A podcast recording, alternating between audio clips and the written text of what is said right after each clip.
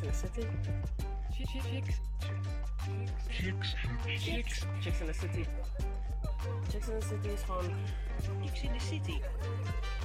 Chicks dus. Je luistert naar Chicks and the City. Leuk dat je luistert naar de Chicks tegen Discriminatie podcast van Chicks and the City. Vanuit het thema discriminatie zijn er een aantal meiden van Chicks and the City gaan researchen naar door hen zelf aangedragen onderwerpen vanuit hun persoonlijke leven. Ze kozen zelf invalshoeken en gasten en met de uitkomsten van het onderzoek werden twee podcasts gemaakt die verschillende aspecten van het onderwerp belichten. De meiden Izzy en Lisa hebben gekozen voor het thema discriminatie bij mensen uit de LHBTIQ community. En hier ga je zo naar luisteren. Voor deze podcast is veel geresearched, waardoor de meiden een lange tijd aan hun podcast gewerkt hebben. Hoewel de podcast gelanceerd zijn in 2023, zijn de meiden al vanaf juni 2022 bezig met deze podcastserie Chicks tegen discriminatie. Meer weten over onze meiden mediaprojecten? Check onze website chicksandthecity.nl. Ik ben Natasja Morales, founder en artistiek leider van meidenparticipatie mediaplatform Chicks and the City. Heel veel luisterplezier. Hallo allemaal, welkom bij de eerste podcast van Chicks tegen discriminatie. Mijn naam is Izzy.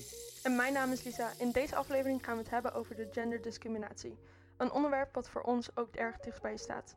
Zelf ben ik een biseksuele vrouw en heb ik vaker te maken gehad met een vorm van discriminatie. Ik ben in transitie. Eh, ik ben de afgelopen vijf jaar bezig geweest met transitie en ik zit nu vier maanden aan de hormonen. 54% van de transgenders worden maandelijks bedreigd of beledigd. Izzy, heb jij wel eens zo'n situatie meegemaakt?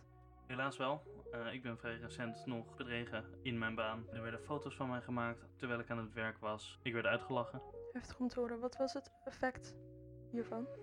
Ik voelde me niet veilig op mijn eigen werkplek. Wat niet hoort natuurlijk. Ik moet gewoon veilig kunnen zijn waar ik ben. Ongeacht waar dat is. Zeker. Heftig om te horen dat je dit hebt moeten meemaken. Hoe heb je hier uiteindelijk op gehandeld? Ik heb ze eh, uit de bar laten zetten. Het is gewoon geen fijne situatie, niet voor mij en niet voor de andere bargasten. Goed dat je dat hebt gedaan. Het aantal van geregistreerde gevallen van discriminatie tegen de LHTBI-gemeenschap steeg van 428 in 2009 naar 2471 in 2021. Dit is een stijging van 477%. Lisa, kan jij een situatie beschrijven waarin je in aanraking bent gekomen met genderdiscriminatie? Ja, ik heb best wel wat meegemaakt met discriminatie. Ik ben best wel straight passing en dat betekent dat je dus niet in de norm valt of in het kader valt van typische lesbi of typische biseksuele vrouw. Ja, ik heb best wel verschillende kledingstijlsoorten. Toch krijg ik best wel veel opmerkingen naar mijn hoofd van als ik met een meisje loop die ik date, mag ik meedoen of oh ja, doe het vaker en Heel soms wordt er ook gefilmd. Uh, nou, natuurlijk ga je daar dan niet op in en loop je weg of zeg je er wat van. Toch zijn deze opmerkingen wel heel vervelend. Gelukkig heb ik ja, niks fysieks meegemaakt als in geweld. Wel in clubs word je wel eens aangeraakt en uh, worden de opmerkingen nog groter gemaakt. Wat doet zo'n opmerking met je? Nou, laat je best wel onveilig voelen. En je zit er soms ook echt mee. Hoe zorg je dan dat je jezelf weer in een veiligere situatie bevindt? Nou, gelukkig heb ik uh, een super fijn netwerk om me heen en heb ik hele leuke vrienden en weet ik precies wat mijn normen en waarden zijn en wat ik zelf waard ben. Dus ja, dan kan ik toch wel terugkomen naar mezelf en zeggen van hé, hey, dit is helemaal niet waar, dit is gewoon iemand anders mening en dat zet ik van mezelf af. Maar soms als je in een avond in een dronken bui dat toch hoort, dan kan het toch wel iets meer met je doen dan als je helemaal sober bent. Je bent dus de straat op gegaan om wat interviews te doen voorbijgangers in Rotterdam.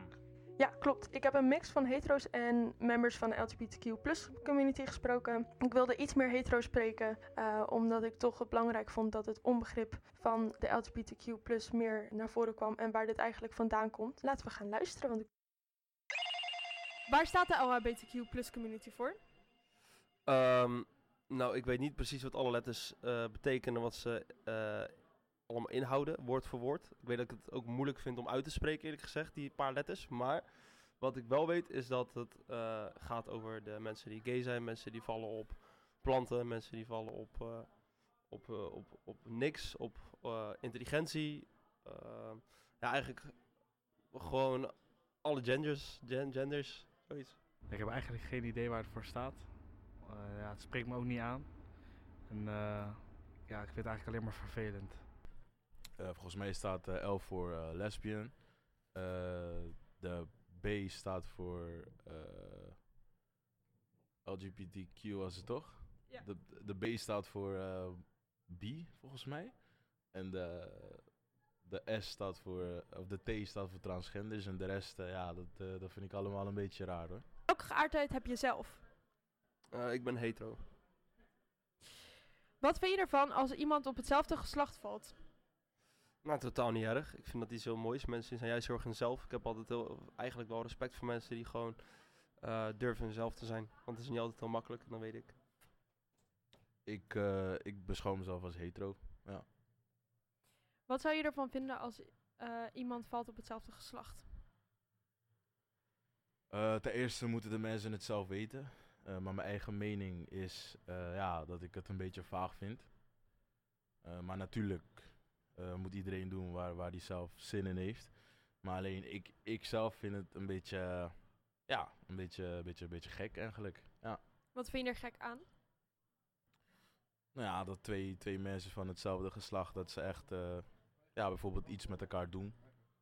En niet eens dat, maar meer van, ik ben christelijk opgevoed, dus voor mijn gevoel is het, eh, moet je voortplanten als jij seks hebt, om het zo te zeggen. Maar mensen met hetzelfde geslacht, als die seks hebben, komt er niks, niks uit voort. Dus vandaar. Ik ben een homoman. Wat vind je ervan als iemand zich niet herkent in zijn of haar eigen lichaam? Ja, ik vind het altijd toch wel jammer om te horen, zeg maar. Ehm, ja, ik zelf kan me zeg maar niet per se helemaal inbeelden natuurlijk, zeg maar, in de trans experience. Maar van vrienden, collega's, wat dan ook om me heen, zeg maar, die er wel mee te maken hebben. En de verhalen waar ik daarvan hoor. Ja, vind ik het toch wel, zeg maar, jammer dat je in principe zo'n extra puntje van ehm, moeilijkheid, struggle hebt. Gewoon puur, zeg maar, om jezelf te kunnen zijn. Ik heb mensen om me heen gewoon die eh, vallen op jongens en op, op vrouwen. Eh, vrouwen die vallen dan op vrouwen of eigenlijk transgender bijvoorbeeld. Ik heb van alles om me heen en eigenlijk altijd al gewoon geaccepteerd. Ik vind dat iedereen gewoon zichzelf moet zijn. Ehm, dan zal ik het weer vanuit de christelijke invalshoek benaderen. En dat is, eh, ja, ja als, dan, als je jezelf niet in hetzelfde, ehm, of als je in een verkeerde lichaam eh, bent volgens jou, dan zeg je indirect dat ehm, de schepper, in dit geval God, een fout heeft gemaakt. Dus ik vind het aan die kant ook wel een klein beetje krom, ja. Ik ben er niet om te oordelen, dat is niet mijn taak. Eh, dus ik zal diegene ook natuurlijk gewoon normaal behandelen ehm, als, een, als een mens. En gewoon, ja, met, met respect. Ja. Um, maar wat je wel heel mooi zegt, is dat je wel heel erg veel respect hebt. Eh, ik ben best wel benieuwd waar dat respect dan ook vandaan komt. Als je toch niet eens bent met wat mensen doen. Ehm, maar ja, toch wel zoveel respect voor hebt. ja, gewoon een stukje tolerantie in de samenleving. Eh, mensen onderling gewoon, snap je? Ik bedoel van, eh, als we elkaar allemaal gewoon een beetje met respect behandelen, dan, eh, ja, dan zou de wereld een stukje beter uitzien. Als iemand zich niet een man voelt, ja, ik zou het zelf heb ik nooit ervaren, dus ik kan nooit zeggen uit eigen dat, ja, hoe dat moet voelen. Maar ik bedoel, als iemand zegt, ik voel me een, een vrouw als hij een man is, ja, dan moet hij daar gewoon echt voor gaan. Het is gewoon een keuze die je maakt in je leven, die je echt voor altijd moet maken. Ook je kan daarna ook niet echt meer terug, vind ik. Ik vind dat je wel echt een keuze moet maken tot. Maar ja, als, je- moet gewoon je gevoel achterna gaan. Ik heb er nooit eh, moeite mee gehad. Ja, dat was het eerste gedeelte van de Voxpop. We gaan straks weer terug op straat. Maar naar aanleiding van de gesprekken die ik op straat heb gevoerd, lijkt het me toch even goed om naar jouw gesprek te gaan die je hebt gevoerd, Izzy, met de bartender. Dat was best wel heftig. 7 van de 10 LHTBI'ers kregen te maken met discriminatie en geweld. Ik heb Brendan geïnterviewd. Hij is een bartender in Rotterdam en is fysiek mishandeld. Ik ben een, eh, een klein jaartje, nee, eigenlijk een jaar geleden, ben ik eh, tijdens de zomer ben ik, eh, in elkaar geslagen. Maar dat was echt eh, heel ongepland. Ja, het is nooit gepland, zou ik zeggen. Ik bedoel, eh, ingeslagen worden, in elkaar geslagen Ja, worden wordt Dat volgens moet mij even tussen eh, 10 en ja. 12 gebeuren. Nee, ehm, nee ik ben, eh, hoe zou je zeggen, we liepen van eh Strano, zouden we naar mijn huis gaan, even Mhm. nog een drankje doen daar. En van, want ik woon echt vijf minuten van Strano af, Ja. dus ik liep erheen. En one thing led to another, gingen een paar vrienden van mij, gingen zo'n fiets pakken. En daar is ineens een hele altercation gebeurd. Beetje eh luidruchtig tegen elkaar praten en ik probeerde er soort van tussenin te springen. En eh, voordat ik het wist, eh, ja, was ik rondgeslingerd, een beetje klappen tegen mijn hoofd aangekregen. Het, was, het, was niet, het was niet mooi, zal ik Nee, zeggen. Ik zag, er niet, ik zag niet mooi uit, maar ik was meer echt zo van ineens zo'n shock. Want ik bedoel, ik kom echt net van een heel gezellige avondje. Ik we hebben echt met niemand gepraat. Wij Mhm. wouden alleen maar de fiets pakken en dan weet je, gaan we verder. Maar dat er zoiets gebeurt en het snapt. En dat ineens ja, iets zo uitlokt uit iemand om eh, fysiek te worden met een groep, eh, ja, een groep, ho- een groep homo's die eigenlijk eh, onderweg waren naar ergens anders. Met niemand bemoeide. Het was Want- een beetje naar. Want het had ook echt ehm, alleen aanleiding omdat jullie homo's waren. Aan de ene kant heeft dat, ik denk dat heeft wat mee te maken. Ik Mhm. vind het een soort van tot nu toe, een jaar verder, vind ik het nog steeds heel een fuzzy verhaal. Het is nog Ja, steeds, het, het is, hoe zou ik zeggen? Ik heb, nog steeds, ik heb nog steeds niet alle details in mijn hoofd. Want ik heb alleen maar tot nu toe eh, mijn kant van het verhaal, de kant van mijn vrienden. En een heel klein beetje meegekregen van, het, eh, van de OM wat aan de hand was. Mhm. Maar het is nog steeds niet af. Ik ben nog steeds een, eh, hoe zou ik ben nog steeds af van de casus, hoe het gaat aflopen. Bizar. Ja, dat, is zo, het, ja, het kan af en toe lang duren, maar omdat het zo ineens ontplofte met meerdere ehm, misdadigers die Mhm. dat hebben, die mee, soort van mee, mee betrokken waren, daar, vandaar duurt het ook zo lang. Politie heb je al de roze en blauwe die specifiek voor deze soort gewelden en eigenlijk voornamelijk naar alle ehm, eh, LGBT-plekken naartoe gaan. Bijvoorbeeld, ze komen dan bij Worms, ze komen ook bij Ferry, Strano. eh, elke eigenaar en ook eh, ja, bartender of ja, bedrijfsleider van ehm, zulke soort zaken hebben meestal ook een nummer van of de buurtpolitie of eigenlijk een nummer van de mensen die de roze en blauwe organiseren. Dat is eigenlijk voor de mensen die niet weten wat roze en blauwe is. Dat is een eh, speciale aparte organisatie binnen de politieagenten, van politieagenten en eh, andere medewerkers van de politie. Die identificeren zichzelf als LHBT. Is, dus dit zijn mensen die wel gewoon begrijpen hoe je voelt Ja. over geweld tegen jou of ja, tegen de community. Waar denk je dat het eh, toenemende geweld vandaan komt?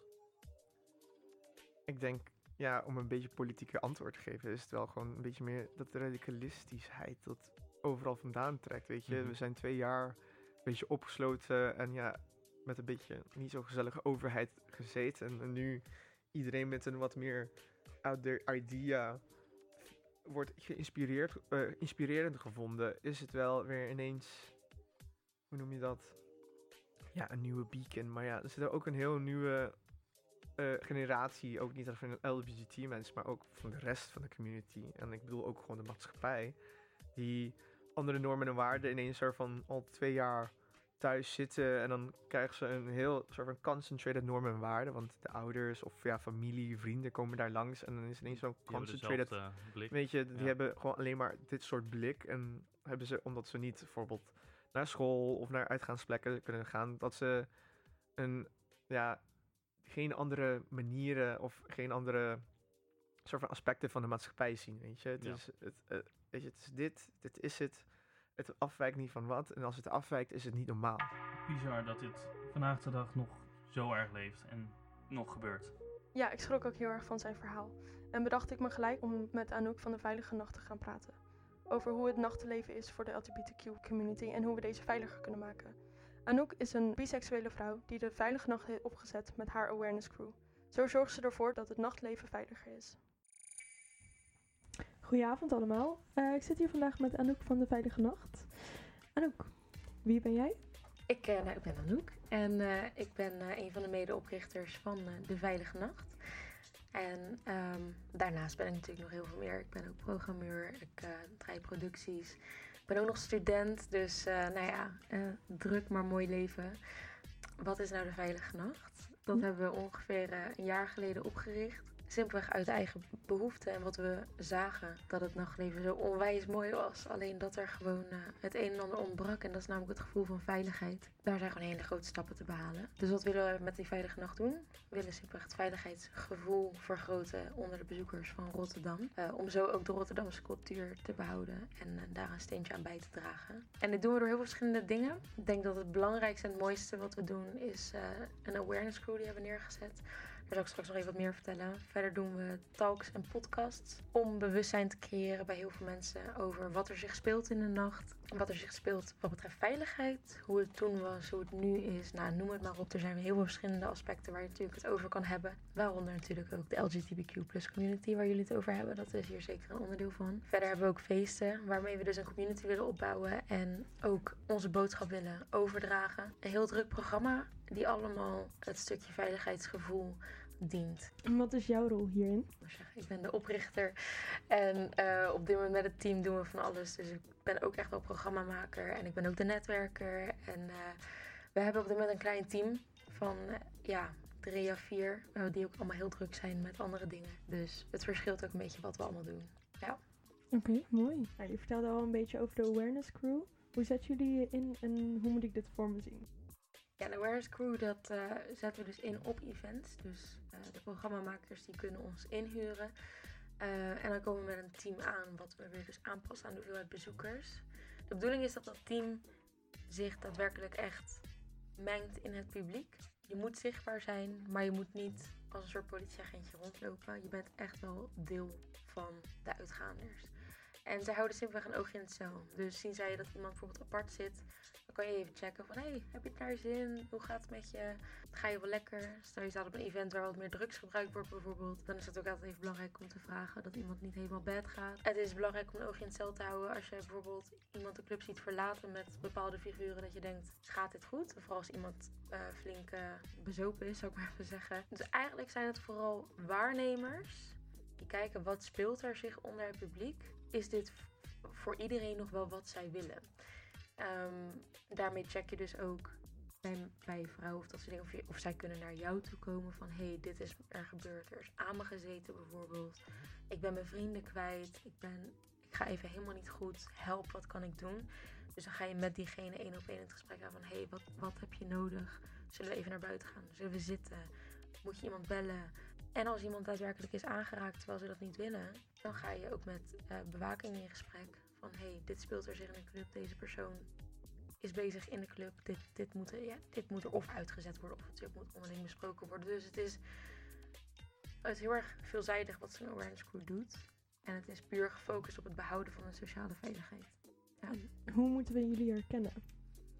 We hebben shirtjes aan waar heel op groot op staat uh, Reach Out. Dus dat is uh, als het goed is voor iedereen wel uh, leesbaar.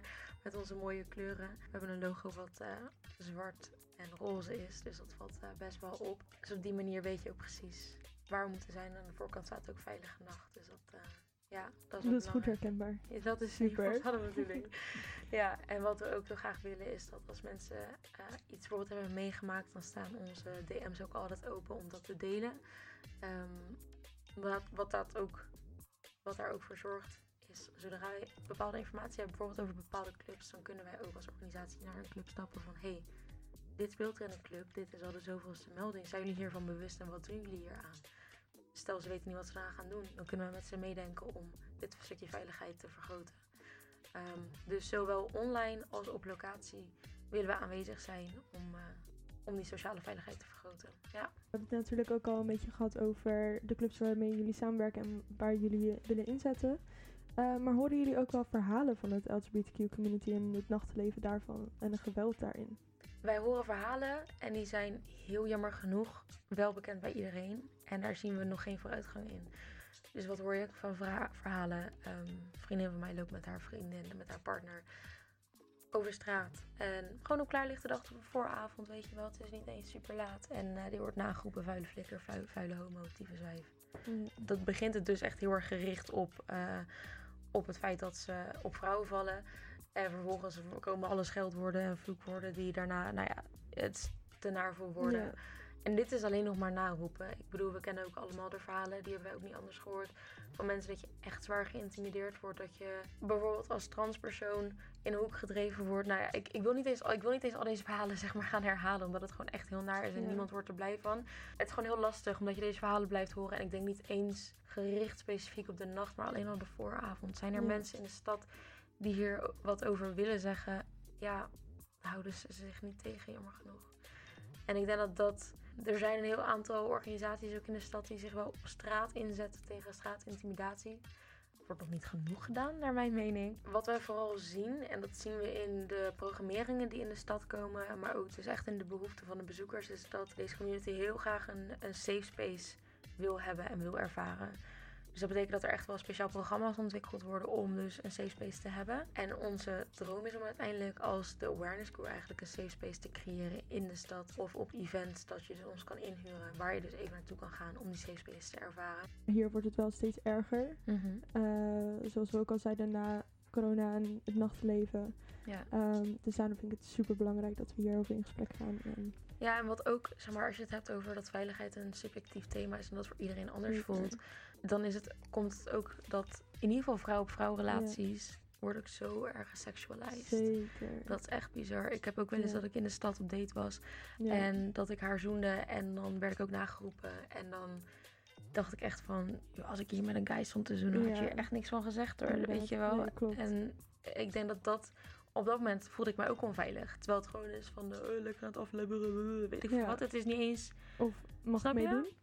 Mag ik meedoen? Mag ik oh, meedoen? Doe, het, doe het nog eens? Doe het nog eens. Oh ja, nee. Oh, verschrikkelijk. Ja, ook dat is dus weer subjectief. Ja. Dat kan iemand anders weer niet als eng ervaren. Maar als het jou persoonlijk over, overkomt, kan je dat wel weer als doodeng ervaren. Zeker. Is er ook een project waar jullie nu mee bezig zijn om ook een safe space te creëren voor de LGBTQ community? We zijn wel bezig om een safe space te creëren. Dus dat wil Mhm. zeggen dat je naast een awareness crew kan je dus ook ons eh, inhuren dat wij een safe space creëren. Ja. Kan je letterlijk voor je zien als een hoekje in de ruimte waar je dus eh, bent, waar je even je kan terugtrekken. Is dit speciaal voor de eh, queer community? Nee, want we willen iedereen die veiligheid garanderen. Is het een onderwerp waar we heel graag mee aan de slag willen? Zeker. Dus we willen ook echt wel. We hebben bijvoorbeeld ook events, dat wij ook events gaan creëren waar dit centraal staat. Ehm, en waar we deze ehm, community net zoveel aandacht geven als terecht als andere ehm, groepen die hier heel erg behoefte aan hebben. Ja, wat zou jij nodig hebben? Wat zou je? ik nodig hebben? Ja, ik ben best wel iemand die. Ze noemen mij een beetje de beveiliger van de avond altijd. Ik was een keer uit bij eh Superdisco. Nou, ik kom daar ook echt nooit. Ook door hoe het daar is. In ieder geval hoe ik het daar ervaar is dat het... Ja, je komt binnen. Ik heb 9 van de 10 keer heb ik een hele erg gemixte groep. We zijn met jongens, we zijn met meiden. Maakt allemaal niet uit. Maar vanuit daar dan komen we binnen en dan is het al gelijk van... Een soort van mensen die op je wachten. Dus een soort haaien en wij zijn de prooien. Mhm. En dat heb ik wel echt heel erg gemerkt, ook in het nachtleven. En dat is niet alleen de jongens, maar het zijn ook de meiden. Het is, het is eigenlijk echt iedereen. Is, dat hebben we heel erg gemerkt na coronatijd. Echt de eerste keer dat we uit waren gegaan naar de corona. En we dachten echt, wat doen we hier? Ja. Je kan niet eens meer, je, je kan letterlijk niet eens een drankje halen voordat er iemand wel weer in je nek zit te hijgen. Ja. Dat is dus zeg maar echt een deel wat ik heel erg zie. En wat ik ook heel erg zie onder de jongeren waar ik mee omga. Dus wat zou ik nodig hebben? Ja, ik denk inderdaad een beetje sociale cohesie ook van elkaar. Van oké, let op elkaar en zorg voor elkaar. En ik zie wel dat de meiden dat heel erg doen. Mhm. Ehm, maar ik zie dat wel minder bij de jongens inderdaad. Wat Ja. jij ook zegt, is 9 van de 10 keer zijn de jongens bang dat ze een mes door hun ribben krijgen. Dus waar is dat ja, veilige en dat openheid naar elkaar toe? Ja. En ik denk dat dat wel echt wel beter kan zijn. Nou, ik vind, ik vind het mooi dat je dit zegt, want dat is wat wij dus ook ervaarden. Je wil weten waar je op terug kan vallen als je in zo'n club stapt. Wat je ook zegt is dat het zeg maar, het gaat heel erg stiltjes. Het is, het is één beweging en die zie je niet. Het, je moet het echt observeren voor een avond. En dan is één avond is weer anders dan andere. Ja. Dus daarom is het wel eh, een heel mooi initiatief van jullie. Ja, en ik denk ook dat, dat voor heel veel mensen het is zo klein en stil, maar mensen realiseren niet wat Ja. een impact erop heeft. Ik heb laatst iemand gesproken die eh, stond in Annabel. En eh, er was een jongen die met haar flirte en ze toonde geen interesse. En ze is zo hard beetgepakt bij de arm Ja. dat ze letterlijk blauwe plekken had op de arm. Ja. En ze is gewoon, daarna heeft ze zich gewoon een heel aantal dagen gewoon echt niet goed gevoeld. Mhm. Wat ook helemaal te begrijpen is, want het is doodeng. Ja. Ehm, ik bedoel, ik heb ook wel eens zulke dingen meegemaakt en heel veel mensen die ik spreek. Dus het, is, het heeft ook veel meer invloed dan op die ene avond. En ik denk dat het zonde is. Want kijk, daar, daar hebben wij ook met de veilige nog wel mee te maken. Ehm, je kan niet het hebben over veiligheid Ja. zonder te vertellen hoe mooi die nacht ook is. Dus als Zeker. jongen zegt ik durf niet uit, vind ik het bijna zo jammer. En dan denk ik van, oh, maar ik wil je laten zien wat voor moois die nacht te brengen heeft. Want dat, Ja, dat is het wel. En ik denk. Ja. dat we dat ook niet moeten vergeten. Want het nachtleven is heel mooi. Het kan je identiteit vormen. Het kan je netwerk verbreden. Je kan vrienden maken. Je kan geliefdes vinden. Ehm, dus dat vind ik ook wel heel erg belangrijk om dat wel te benoemen. We het toch over hebben, wat is het mooiste wat jij hebt meegemaakt in de nachttijd? Als ik echt de mooiste nachten bekijk, dat zijn vaak nachten die vol onvoorspelbare ehm, gebeurtenissen zitten. Waar ik mensen tegenkom die ik bijvoorbeeld al jaren niet tegen ben gekomen of mensen heb leren kennen. Waarmee je ineens een, een hele klik en een connectie hebt dat je denkt wow. En dat je daaruit letterlijk vriendschappen haalt. Dat vind ik het mooiste. Ik denk ook dat ik, wat ik ook heel mooi vind, is als je op een dansvloer staat Misschien een club die je kent, misschien een, onbekende, eh, een onbekend feest. Maar dat je dus echt voelt dat die hele dansvloer samen is. Dat je echt Ja. dat, want ik vind dat wij in een maatschappij leven die heel erg gespleten is. Waar Ja. heel veel groepen zich bevinden en waar weinig mensen samen zijn. Maar dat gevoel kan je dus nog wel ervaren op zo'n dansvloer. En ik denk dat dat de mooiste avonden zijn als je dat voelt. Ja, en er zijn een paar organisaties die, die weten dit te bereiken. Die hebben een doelgroep die gewoon er altijd op afkomt. En waar je dat ene gevoel ook kan creëren. En dat is niet gebonden aan een genre. Want ik heb dit met hiphopfeesten gehad. Ik heb dit met technofeesten Ja. gehad. En alles daartussenin en daarbuiten. Maar ik denk dat dat de mooiste momenten zijn. Ja, zeker. Echt heel mooi. Ja. Mooi gezegd. Mooi gesprek. Eh, laten we gelijk doorgaan met het tweede gedeelte van de Voxpops. Waar we dieper in gesprek gaan over hoe Rotterdammers reageren op de LHTBI-gemeenschap op straat en in het uitgaansleven. Durven mensen het voor elkaar op te nemen? Hoe ga je ermee om als iemand van de LHBTI plus community, dus lesbisch, homo's, biseksueel, transgenders, interseksueel, etc., eh, op straat tegenkomt tijdens het uitgaan? Wat denk je dan en wat komt er in je op? Ja, letterlijk niks bijzonders eigenlijk. Ik heb het altijd al geaccepteerd, het is heel normaal. Mens is mens. Ehm, kijk, als ze echt, echt overdreven en me gaan lopen aanraken, nou ja, dat is hetzelfde als een man bij een vrouw. Dat gaat gewoon te ver. Oké, ik ben dat niet op die manier. Ik heb niet gevoelens voor jou op die manier, dus doe het maar liever niet. Dat vind ik dan vervelend, voor rest accepteer ik het 100%. Ik ben pas toevallig naar een gayclub geweest. Nou, ik heb best naar mijn gehad. Ik, had gewoon, ik werd, werd geflirt en ik ging gewoon eh, een normaal gesprek aan. Het was hartstikke gezellig. Toen zei ik gewoon normaal van, ja, ik ben hetero, maar ik vind het wel leuk dat je het zo aanpakt. Want Ik bedoel, je bent wel soepel, weet je wel, doe je goed. Dat soort dingen, ik, ik heb er nooit moeite mee gehad. Ik vind dat gewoon, eh, eigenlijk gewoon iedereen lekker, eh, mens, mensen gewoon lekker lol en eh, uit moet gaan, toch? Nee, ik vind het. Ja, een paar jaar geleden, dus vier jaar geleden, zou ik er misschien een hele andere mening erover hebben. Maar ehm, mijn tolerantie is namelijk wel wat groter geworden. En vooral omdat ik in Europa ben, zie je, wat, zie je wat meer en ben je meer gewend. En is meer normaal. Dus dan zou ik het ook gewoon ja, bekijken als in van ja, ja, laat diegene maar gewoon aandoen wat hij wil. Heb jij ooit discriminatie meegemaakt tijdens het uitgaan of op straat?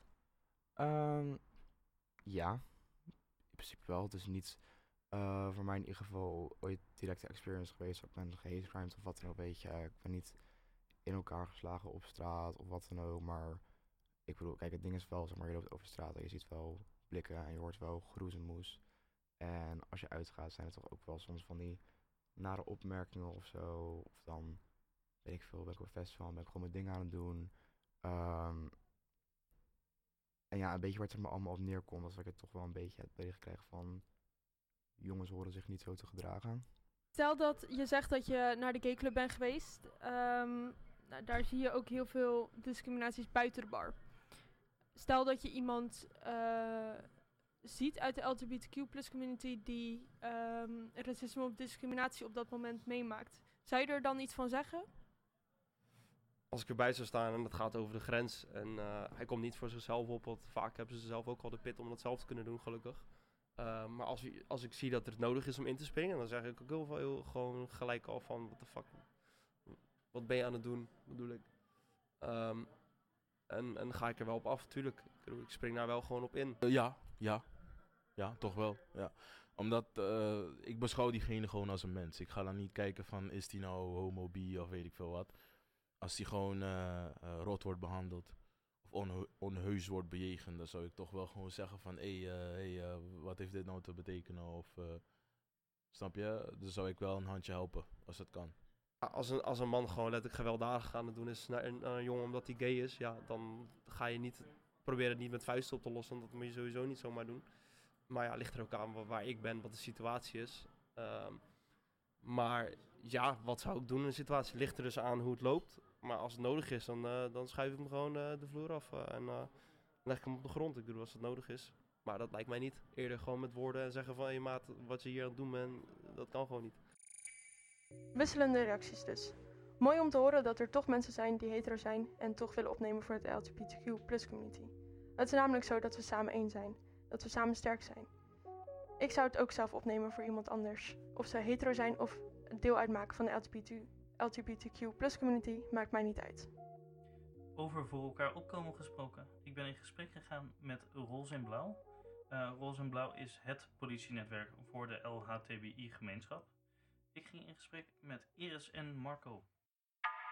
Hoe laag ja, ligt die drempel voor het melden? Is het al één opmerking of...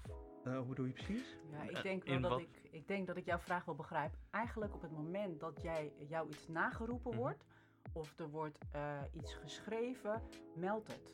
Want het kan namelijk voor jou denken, ja, ach, het valt wel mee. Maar op het moment dat er elke keer alleen maar één woord homo geroepen wordt, op het moment dat je op de lijm loopt, dan is dat voor mij al belangrijk om te weten. Want als naar iedereen dat één keer geroepen wordt, dan krijg je toch uiteindelijk een bepaald beeld over eh, die omgeving. Zeker. Ja, wellicht ben je inderdaad niet de enige die eh, op dat moment slachtoffer is. En eh, hoe willen jullie dat dan... Nou, jullie zeiden al dat er niet heel veel gemeld wordt.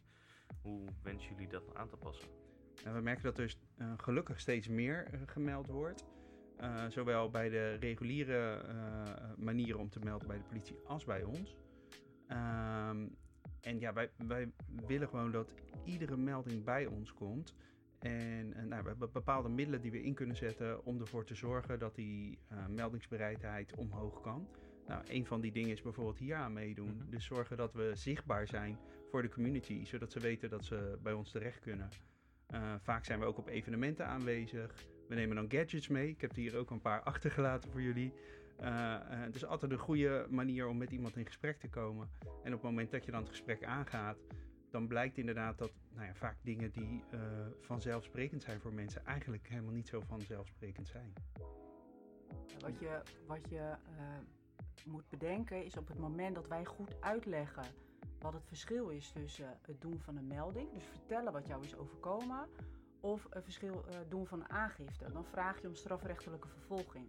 En ik denk dat dat ook belangrijk is om te weten, want op het moment dat jij zegt van ja, ik doe een melding, eh, dan wil dat niet meteen zeggen dat je tegen de rechter zegt van nou, ik wil dat er eh, vervolging opgestart wordt. Dus dat is voor ons heel belangrijk om het verschil uit te leggen, zodat mensen ook weten van oké, maar wat ga ik nou precies doen? Dus dat is voor ons ook belangrijk om dat eh, te doen. Ja, en we, we proberen ook altijd maatwerk aan te bieden. Eh, want ook al is iets strafbaar wat gebeurt, is het niet altijd zinvol om aangifte te doen. Of handig om aangifte te doen. Eh, een transvrouw die wordt lastiggevallen door de buurman. Eh, en die daarbij echt strafbare eh, gedraging heeft, de ramen kapot gooit, nou ja, andere vernielingen. Dan kunnen we die boze buurman wel een boete geven, maar daar is de situatie, die, die wordt daar niet beter van. Dus vandaar dat wij dan op dat moment gaan kijken, goh, waar, zijn de, waar is die situatie nou bij geholpen? En dan kan het wellicht veel meer helpen om een stopgesprek te houden met die buurman, dan dat we hem een bekeuring geven. Maar wel altijd in overleg met degene die het meldt. Ja. Want dat is wel belangrijk. De melder is altijd Ja. leidend. En eh, hoe kan ik dan zo'n melding doen? Want als ik nagejoeld word, ga ik 112 niet bellen met... eh hey, dit wordt geroepen naar mij. Er zijn verschillende mogelijkheden om eh, bij de politie te melden. Uiteraard, je noemde hem al 112 en 0900 8844. 112 echt als er spoed is. Eh 0900 8844 op het moment dat er geen spoed is, maar je hebt wel politie nodig. Maar vind je het nou lastig om jouw verhaal te vertellen eh, aan de reguliere politie, dan kan dat dus ook via roze en blauw. En we hebben een eigen telefoonnummer en we hebben een eigen e-mailadres. Dus eh, ja, daar kunnen mensen inderdaad ook gebruik van maken. En het mooie is, die staan ook op die gadgets. Dus als je even kraken door de microfoon, sorry luisteraars.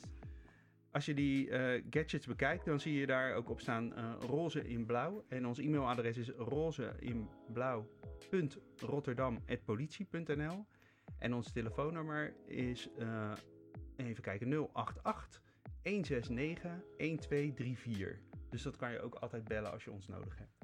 Goed om te horen. Goed telefoonnummer is trouwens 24 uur per dag bereikbaar. En is ook een landelijk nummer. Dus als je niet in Rotterdam woont, maar je woont ergens anders, of je woont in Rotterdam, maar je bent ergens anders, kan je ook dat 088 nummer gewoon bellen. Ja. En dan krijg je een collega van Roze in Blauw aan de telefoon. Oké. Is dus landelijk. Het is echt een landelijk nummer, ja. En ehm, qua meldingen, wat voor meldingen tegen de ja, queer community krijgen jullie dan vaak? Ja, het verschilt. We hebben heel veel meldingen eh, van mensen die lastiggevallen worden door eh, voorbijgangers. Als ze ergens lopen, ze worden nageroepen. Maar je kan ook denken aan eh, buren die het lastig vinden dat iemand van de LHBT-community is. Maar het kan ook zijn dat iemand mishandeld wordt of, of erger. Dus het verschilt echt eh, van alles. Maar we krijgen ook meldingen binnen van eh, mensen die eh, het lastig hebben, die echt op zoek zijn naar hulpverlening en eh, niet de juiste hulpverlening eh, kunnen vinden. En dan kunnen wij ze weer doorverwijzen, omdat wij ook in goed contact staan met de, eh, de roze hulpverlenende instanties. En een, een landelijke ontwikkeling die we nu ook wel zien, zijn eh, dates die echt uit de hand lopen. Mhm. En eh, dat is dan van mensen die eh, afspreken en er staat iemand anders voor hun neus die ze niet verwacht hadden. Eh, tot mensen die letterlijk vastgebonden worden aan hun bed en vervolgens hun huis helemaal leeggeroofd worden. Dus dat is ook wel iets waar wij op evenementen nu een beetje extra aandacht voor vragen. Van joh, als je nou op date gaat, doe het vooral, heb het leuk met elkaar. Maar doe dat wel op een veilige manier. Dus laat mensen in jouw omgeving weten waar je bent. Eh, spreek niet gelijk bij iemand thuis af, maar ga eerst eens met elkaar naar de kroeg om een, om een biertje te drinken of een cocktail. En eh, eh, weet ook dat je degene voor je hebt die je denkt voor je te hebben. Dus zorg voor een beetje veiligheid erin. En uiteraard moeten we dan ook altijd erbij zetten, veilige seks. Belangrijk. Juist, Ja. ja. Ehm, en zien jullie nou meer of ehm, ja, zien jullie nou een toename in geweld in de afgelopen jaren? Of juist een afname? Nou, ik denk dat het een lastige vraag is. Ehm, omdat wij heel erg eh, proberen die meldingsbereidheid te vergroten, zie je dat steeds meer mensen ons weten te vinden. Ja. Dus eh, stijgt het aantal meldingen? Of is het eh, aantal meldingen aan het stijgen omdat wij bekender worden? Dus het is een beetje voor ons ja, een vraagteken. We weten niet of eh, eh, er een stijging is, want we zien wel een stijging. Maar ja, wat daar dan de oorzaak van is, dat weten we niet zo goed. Nee, en wat we ook wel zien is dat de, eh, het soort meldingen wat we binnenkrijgen, dat wordt wel steeds heftiger. Ja. Ehm, maar dat heeft ook weer met onze eigen rol binnen de politie te maken. Want wij leveren bijvoorbeeld ook onze expertise aan grootschalige onderzoeken. Op, op het moment dat het nodig is. Dus een anderhalf jaar geleden is er eh, in Capelle iemand vermoord. Eh, de boezeman Knoet. En eh, wij zijn ook in contact met dat onderzoeksteam om nou ja, mee te denken van, goh, wat is hier nou gebeurd en wat zou hier achter kunnen zitten? Is het inderdaad die uit de hand gelopen date of is het wellicht iets anders? Dus juist omdat wij ook meer betrokken worden bij die onderzoeken, eh, merken wij ook wel dat de meldingen waar we mee te maken krijgen heftiger zijn. Maar de collega's weten ons ook beter te vinden. Ja. Dus waar het voorheen werd het niet herkend als eh, een hate crime, Ja. wordt, worden de collega's denken, oh wacht even, misschien moeten we even in contact komen met roze en blauw. Dus dan komen wij er ook achter dat die melding heeft plaatsgevonden. Dus dat is eigenlijk, eh, ja voor ons, ja, is het een stijging? Hoe komt dat? Ja, dat weten we dan weer niet. Aan wat voor een hulpverlening moeten we dan denken? Die ze...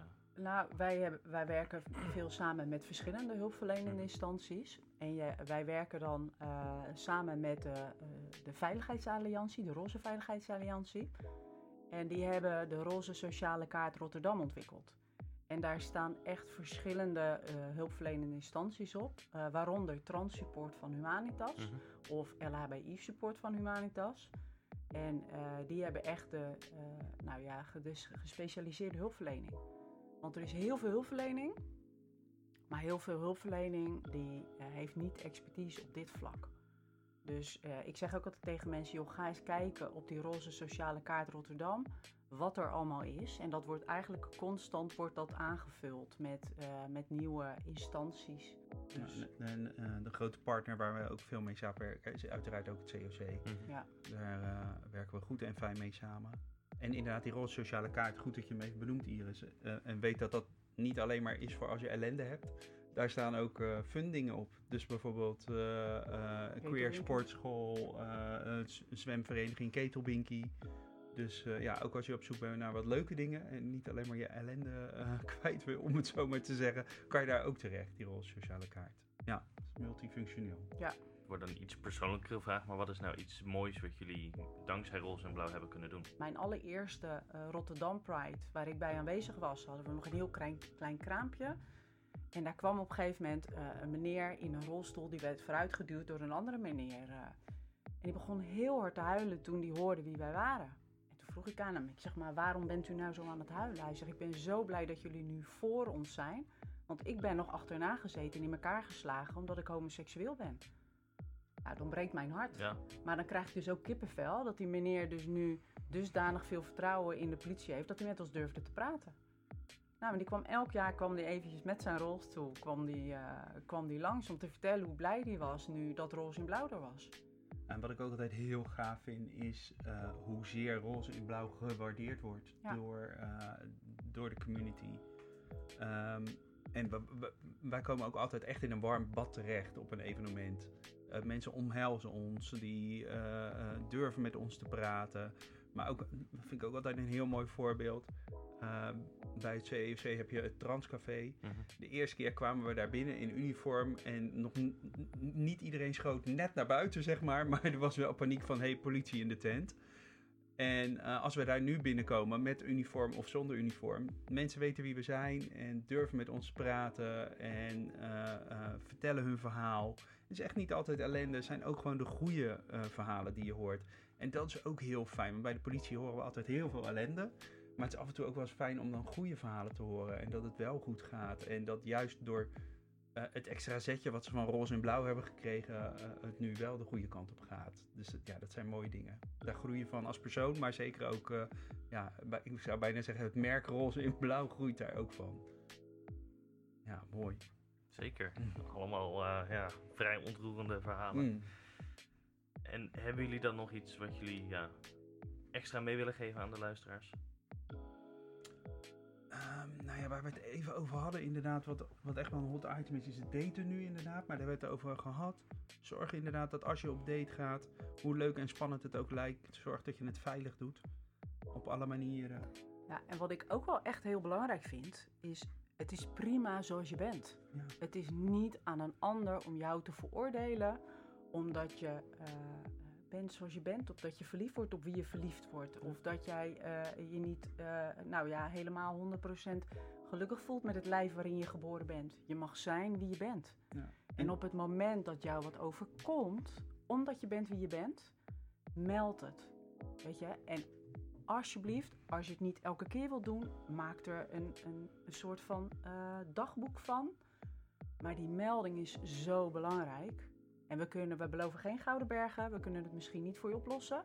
Maar we kunnen wel samen met jou uh, kijken, wat kunnen we wel doen? Ja, en ik zeg altijd, choose your battles wisely. Uh, je hoeft niet altijd de held te zijn. Je mag ook af en toe uh, in de duel te blijven. En op het moment dat het jouw moment is, dan kan je wel die held zijn. Ik loop bijvoorbeeld niet, bewust niet hand in hand in Rotterdam met mijn man. Omdat we geen zin hebben in gezeik. En dat is dus ook echt, echt een keuze. En natuurlijk, het zou, moeten, het zou moeten kunnen. Maar inderdaad, choose your battles wisely. En af en toe hoef, hoef je niet die held uit te hangen.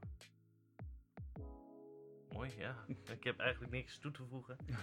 Um, jullie bedankt voor het uh, open gesprek. Nou ja, dankjewel dat we aanwezig mochten zijn. Ja, fijn. Heel erg fijn. En um, als mensen nou vragen hebben, dan kunnen ze ook bellen naar het nummer van uh, Roze in Blauw. Dus het nummer, ik weet niet of jullie een website hebben. Uh, ja. Zou het op de website ja. gezet kunnen worden? Want, ja, want dan kunnen ze daar namelijk ook naar mailen of naar bellen. En dan kunnen we ook, want ik kan me ook voorstellen dat er nog vragen zijn naar aanleiding van deze podcast. Weet je, schroom Zeker. ook niet om te bellen. Weet je, ook als je thuis in een lastige situatie zit, omdat je uh, nou ja, niet kan zijn wie je bent, denken we graag met je mee. En uh, ja, gaan we, kunnen we samen kijken van wat kunnen we voor, uh, voor je betekenen. Mooi gesprek, Izzy. Toch wel heftig dat een politieagent ervoor koos om niet hand in hand te lopen met zijn partner op straat. Uh, ik zou wel hand in hand gaan lopen met mijn partner. Um, ik vind toch dat iedereen zichzelf moet zijn en zou kunnen zijn, ongeacht wat de mensen er hiervan vinden. Wees gewoon lekker jezelf. Daar ben ik het inderdaad helemaal mee eens. Iedereen moet gewoon kunnen zijn wie ze willen zijn en hand in hand lopen met wie dan ook. Maakt niet uit of het man, vrouw, non-binair. Moet gewoon kunnen. Ik wil alle luisteraars bedanken voor jullie aandacht. Uh, heb je nou behoefte om je verhaal te delen? Zoek ons op via Instagram, at Chicks in the City. Heel erg dankjewel en tot de volgende keer. Tja, de meiden zijn nog lang niet over dit onderwerp uitgepraat. Hier is het laatste woord nog niet over gezegd. Heb jij een verhaal dat verteld moet worden of vind je dat wij een bepaald thema moeten behandelen? Laat het ons weten. Info at Of via Instagram at chicksandthecity. Of check onze website chicksandthecity.nl Chicks in the City mediaproducties worden bedacht, gemaakt en georganiseerd door meiden in samenwerking met media professionals. Wij maken podcasts, radio, tv, livestreams en organiseren events en mediaworkshops. Ben jij een meid tussen de 15 en 25 jaar en lijkt het je tof om mediaproducties te maken of je hierin te ontwikkelen? Presenteren, interviewen, camera en regie voeren, productie draaien, kortom, alles leren op het gebied van media? Laat het ons weten. Info at chicksandthecity.nl Of check onze website chicksandthecity.nl